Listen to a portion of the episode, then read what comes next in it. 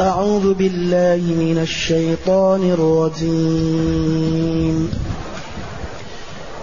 بسم الله الرحمن الرحيم.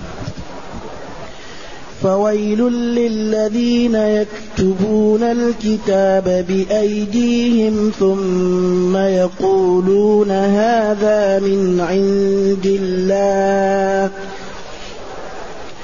ثم يقولون هذا من عند الله ليشتروا به ثمنا قليلا. فويل لهم مما كتبت أيديهم وويل لهم مما يكسبون. وقالوا لن تمسنا النار إلا أياما معدودة.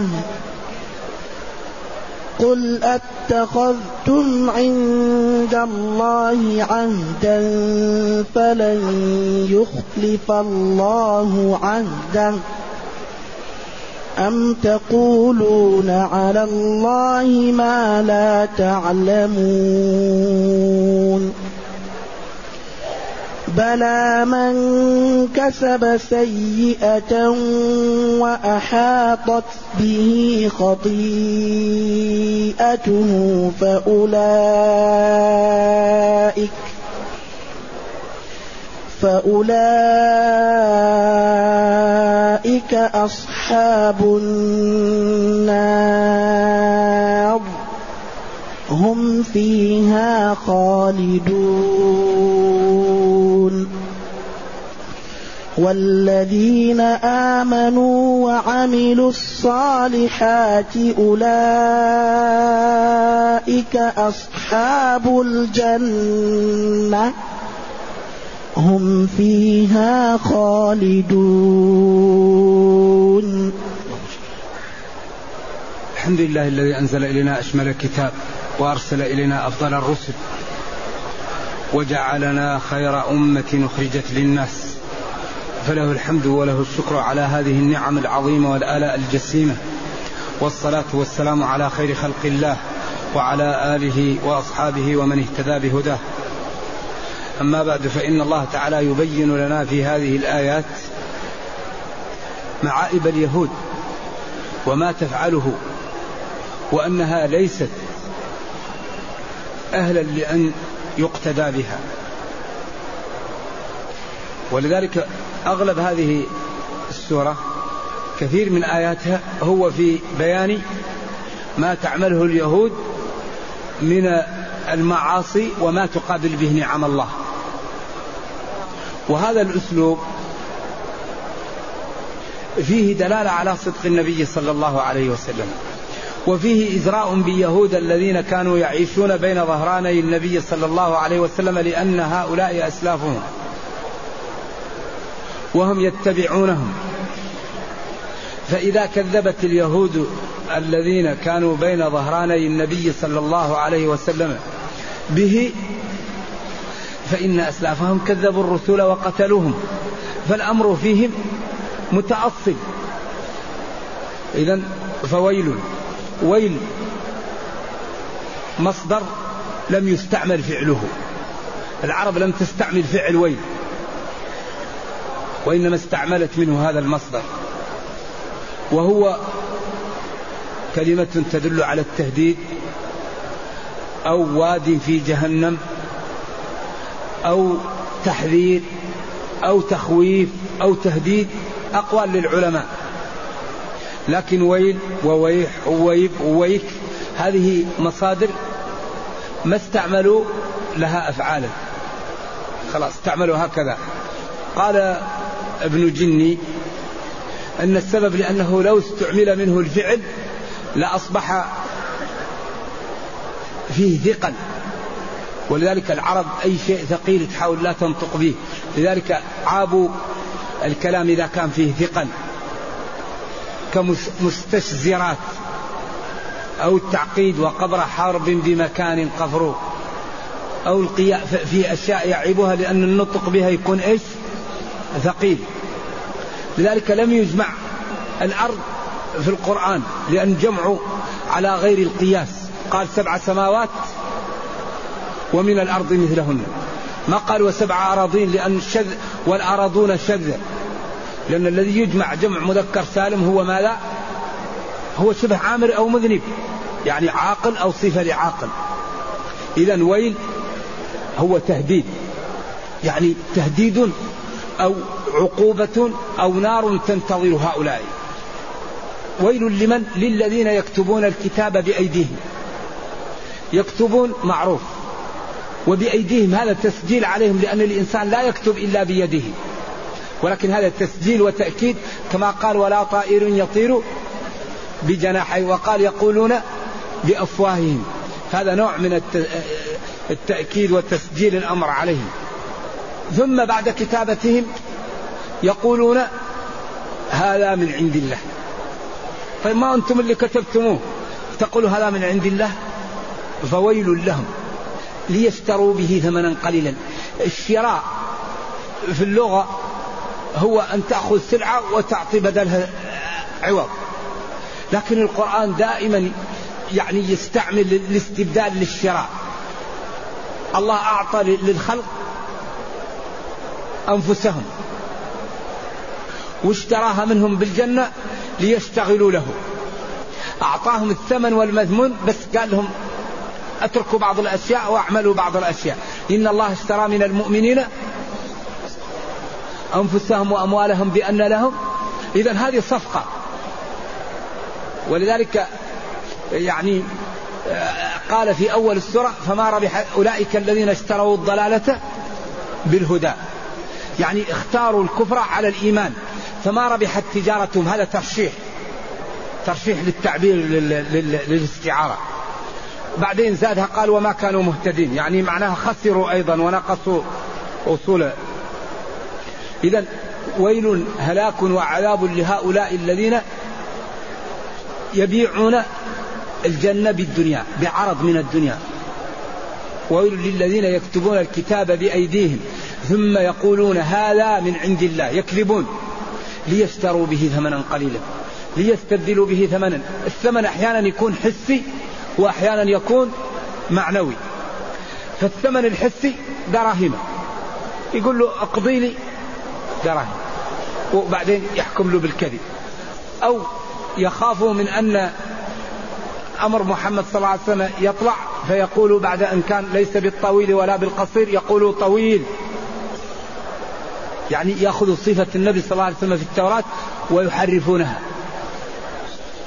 ليبقى لهم حظوة ولكي لا يقوى الإسلام فتزول المكان التي كانت لهم. فهذا يكون منفعة معنوية. فإما أن يأخذوا مالا فتكون منفعة حسية. أو يبقى لهم جاه أو مكانة في المجتمع فتكون منفعة معنوية. إذا ليشتروا به ثمنا قليلا. قال العلماء كل شيء في الدنيا قليل. أي شيء في الدنيا قليل. لذلك إذا الله يعني عظم شيء أو كرمه أو فضله هذا يدل على أنه في الآخرة. لأن الدنيا أمرها قليل. الله يقول قل متاع الدنيا قليل والآخرة ولا تظلمون. والله هذه الآيات يعني ما بعد شيء. الدنيا قليلة والآخرة خير ولا تظلم. إذا إذا اجتهدت في الطاعة ستربح. لا تظلمون فتيلا. والحقيقة أنه هذا عيب لليهود لأنهم كل ما أكرمهم الرب كل ما قبلوا هذه النعم بالكفران. المن السلوى الغمام خروج الماء من الحجر إن جاءهم من فرعون إغراق فرعون. وكل نعمة يقابلها بنعمة. لما جاءهم المن والسلوى قالوا تعبنا من هذا. ادع لنا ربك يخرج لنا مما تنبت الأرض. نعم. ولما قالوا لهم ادخلوا الباب سجدا دخلوا يزحفون على أستاههم. قالوا قولوا حطة أمرنا حطة أو لا إله إلا الله. قالوا حبة في شعرة. نهاهم عن الاصطياد يوم السبت وضعوا الشباك واصطادوا. لكن الله أوقعها بهم. مسخهم قردة وخنازير وفرقهم في العالم وسلط عليهم في كل زمن من يسومهم سوء العذاب إلى قيام الساعة. الله لا يخلف الميعاد. قال وإذ تأذن ربك ليبعثن عليهم إلى يوم القيامة من يسومهم سوء العذاب. بخت نصر وطنيوس وبعدين الآشوريين وبعدين فرعون. وبعدين نبينا محمد صلى الله عليه وسلم وقبل أمس هتلر. يعني لازم أي أي وقت اليهود يسلط عليهم. من أوصافهم أنهم لا يمكن يستقيمون إلا إذا تعلقوا بالناس. إلا بحبل من الله أو حبل من الناس. ما يمكن يمشوا لحالهم. ولا يمكن اليهودي يجابه المسلم. لا يقاتلونكم جميعا أو من وراء جدر. لازم يسلسلوه في الطائرة أو في الدبابة وإلا إذا طارت هو يقفز عنها ويخليها تروح. لازم يسلسل. والله يكون في جدار أو ما يمكن. ما يمكن اليهودي يواجه المسلم. لذلك هم أكبر شيء يعني يواجهون به ما هو. ما هو الذي يواجهوننا به؟ ما هو أكبر شيء يواجهنا أعداؤنا به؟ يفرقون. إيش؟ يجهل يجهلون المسلمين بالدين. يزرعون الفتن. الربا. أخطر شيء هو الحيلولة بيننا وبين فهم الدين. أخطر شيء أن الإنسان لا يفهم قيمة هذا الدين. مثل إنسان عنده جوهرة. ثمينة هو يرى أنها حجرة. أنت عندك جوهرة تسوى بلايين وأنت تظنها أي حجر. أكبر مشكلة يعيشها المسلمون هو جهلهم بدينهم. فإذا فهم المسلم الدين وعمل بالدين لازم نغلب أعدائنا لأن لو تعلمنا ما لا نفعل لازم نعد العدة. لازم نهتم. لازم ما ننام. إذا لم نتعلم ما نعرف قيمة القوة ما نعرف قيمة العدالة ما نعرف قيمة الشورى ما نعرف قيمة آه، التعاون ما نعرف خطورة الخلاف. ما نعرف خطورة التنازع. إذا من أكبر أسباب نصر الأمة أن تفهم دينها وتعمل به. فإذا فهمت الدين وعملت به الله يضمن لها أمرين. ما هما؟ أيوه صلاح الدنيا والأخرى. إذا هذا واضح. لأن الله يقول ولينصرن الله ولينصرن. شوف تأكيد. اللام والقسم والنون. والله لينصرن الله من ينصره. والذي نصره الله هل يغلب؟ إذا هؤلاء اليهود كفانا الله شرهم. يعني كانوا يكتبون التوراة بأيديهم ويحرفون فيها. ليستبدلوا بذلك عرضا دنيويا حسيا أو معنويا. فالهلاك والعقوبة والنار لهم. بسبب ما كتبت أيديهم فويل لهم مما كتبت أيديهم وويل لهم مما يكسبون.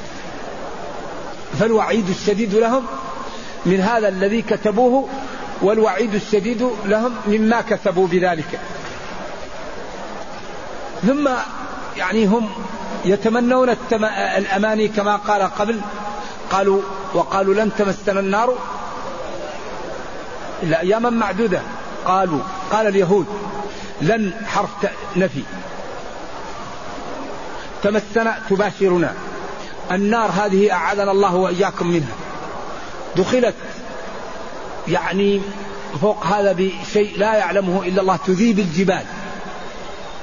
وقودها الناس والحجارة. الذين يعبدون الأصنام والأصنام. أما من يعبد من من يعبد من الصالحين قال الله إن الذين سبقت لهم منا الحسنى أولئك عنها مبعدون. لما أرادوا أن يغالطوا لما جاءت هذه الآية.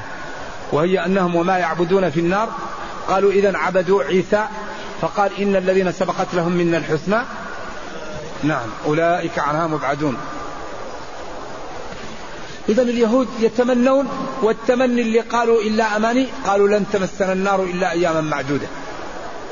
سبعين يوم أو سبعة أيام أو أربعين يوم على قدر الأيام الذي الذين عبدوا فيها العجل. الله رد عليهم رد واضح بين مقنع. قل أتخذتم عند الله عهدا؟ أنتم تقولوا هذا لا يخلو من أحد أمرين إما أن يكون لكم عند الله عهد والله لا يخلف العهد أو تكونوا كذبة. أم تقولون على الله ما لا تعلمون؟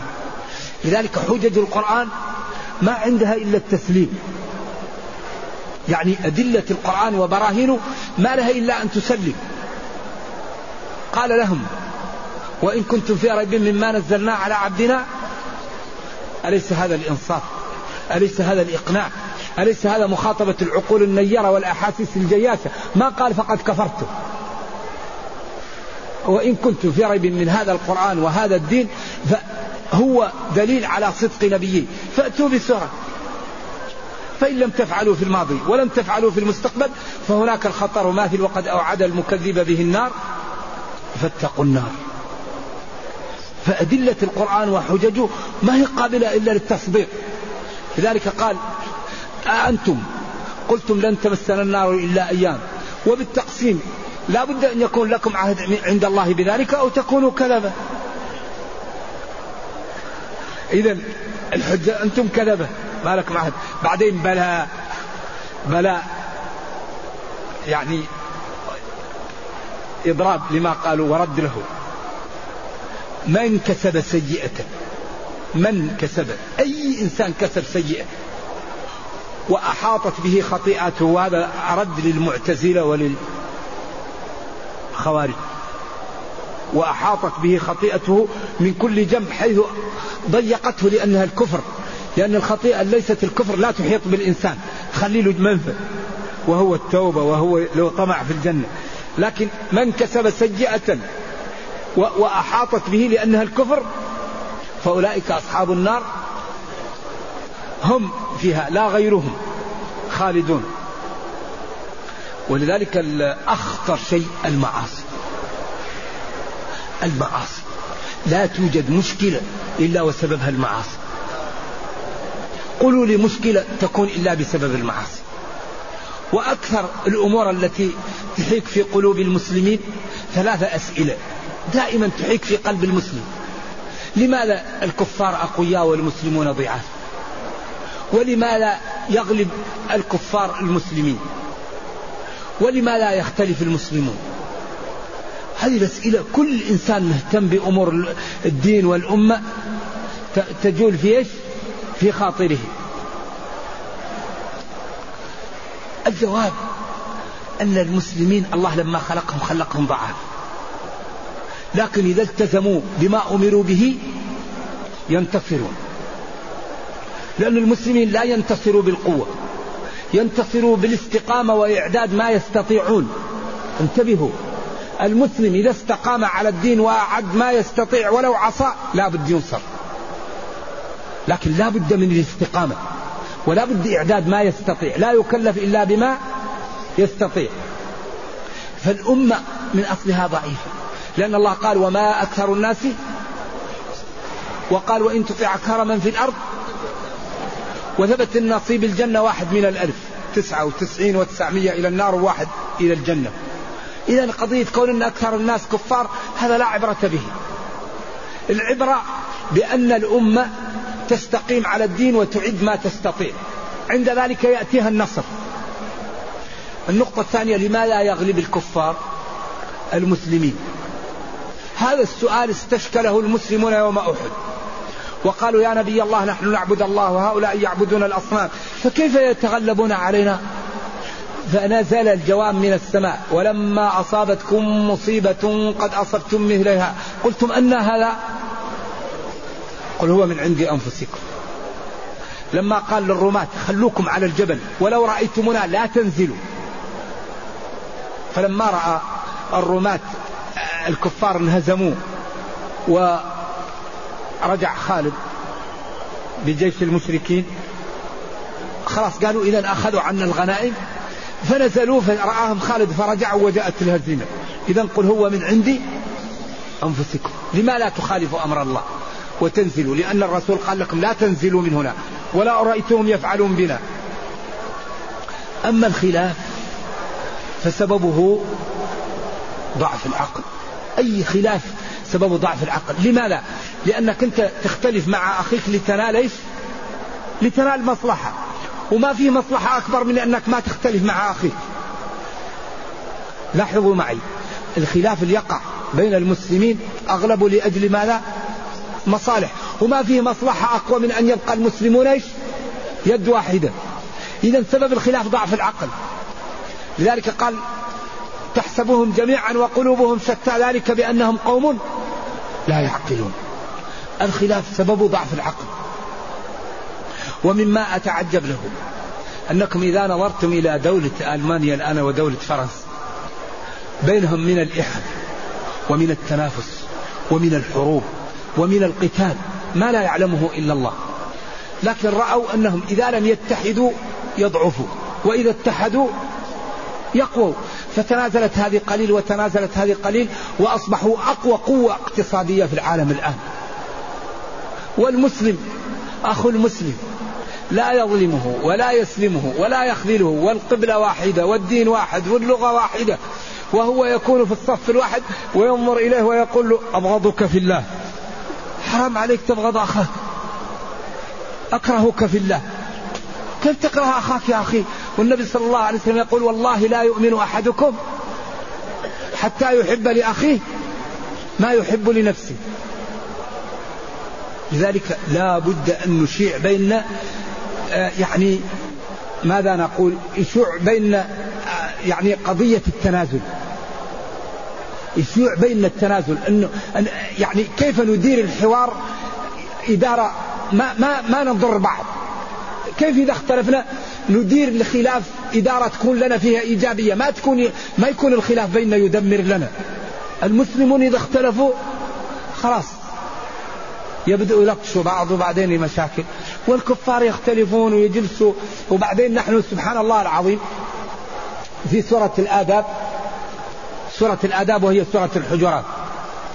لأن فيها الأدب مع الله والأدب مع النبي صلى الله عليه وسلم. والأدب مع الفاسق والأدب مع بقية المسلمين والأدب مع الجميع. قال وإن طائفتان من المؤمنين اقتتلوا إيش؟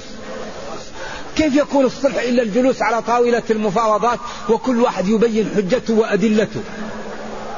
لا يمكن يكون صلح إلا بالجلوس. أنت ما حجتك أنت ما حجتك. ما الذي سبب هذا؟ بعدين لا بد أن يظهر المحقش من المبطل. فإن بغت إحداهما فأصلحوا بينهما. بعد الصلح لا بد يظهر الظالم من المظلوم. فإن بغت إحداهما على الأخرى فلا بد أن تقوموا مع مع المظلومة حتى يرد له إيش؟ الحق. ولذلك قال انصر أخاك إيش؟ ظالما أو مظلوما. بعدين سدد منافذ خلخلة الأخوة التي تأتي منها المشاكل للمسلمين وهي إيش؟ ستة. يا أيها الذين آمنوا لا يسخر قوم من قوم. عسى أن يكونوا خيرا منهم. ولا تلمزوا أنفسكم. ولا تنابزوا بالألقاب. بئس الاسم الفسوق بعد اجتنبوا كثيرا من الظن. ولا تجسسوا. ولا يغتب بعضكم بعضا. هذه الأمور الستة هي أصول خلخلة الأخوة بين المسلمين. إذا نظرت لأي قضية تقع بين الأحبة سببها واحد من الأمور. إيش الستة؟ سخر منه عمل به وشى به هزأ به. هذا الدين دين عجيب الإسلام. نعم؟ لا لا فيها ما هو باللسان بالعين. وبالأصبع أحيانا. تهمزه تقول له شوف شوف دخل شوف مشيته. شوف مسكين شوف مشيته. شوف عيونه جاحظة مسكين شوف شوف بطنه. يعني يكون باليد وبال نعم. نرجو الله السلامة والعافية. فأولئك أصحاب النار عياذا بالله هم فيها خالدون. وهذا يدل على أن الخطيئة حاطت به لأنها كفر لأن غير الكافر لا يخلد في النار. بعدين قال والذين آمنوا وعملوا الصالحات دائما القرآن إذا خوف يرغب وإذا رغب يخوف ولا بد أن يدلل بقدرته. هذا لا ينخرم في القرآن. لا يمكن أن يأتي بكرامة إلا برهن عليها بقدرته ولا يمكن أن يأتي بعقوبة إلا برهن عليها بقدرته. هذا لا ينخري في القرآن. والذين آمنوا وعملوا الصالحات. الذين آمنوا تشمل 11 جملة. أركان الإيمان الستة وأركان الإسلام الخمسة. وعملوا الفعلات الصالحة. غضوا البصر كفوا الأذى قاموا الليل تصدقوا أصلحوا ذات البين ساعدوا المسلمين. يعني عملوا الصالحات هؤلاء. عملوا الفعلات الصالحات. من من قيام الليل من صلاة من زكاة من صدقة من إصلاح ذات البين من تغاضي عن زلات الإخوان من إكرام الضعاف يعني فعلات الصالحات ولذلك لا يوجد أمتع ما يمتع المسلم أن يوفقه الله لفعل الخير. الذي يفعل الخير يعني إذا أراد أن ينام فإذا هو قرير العين.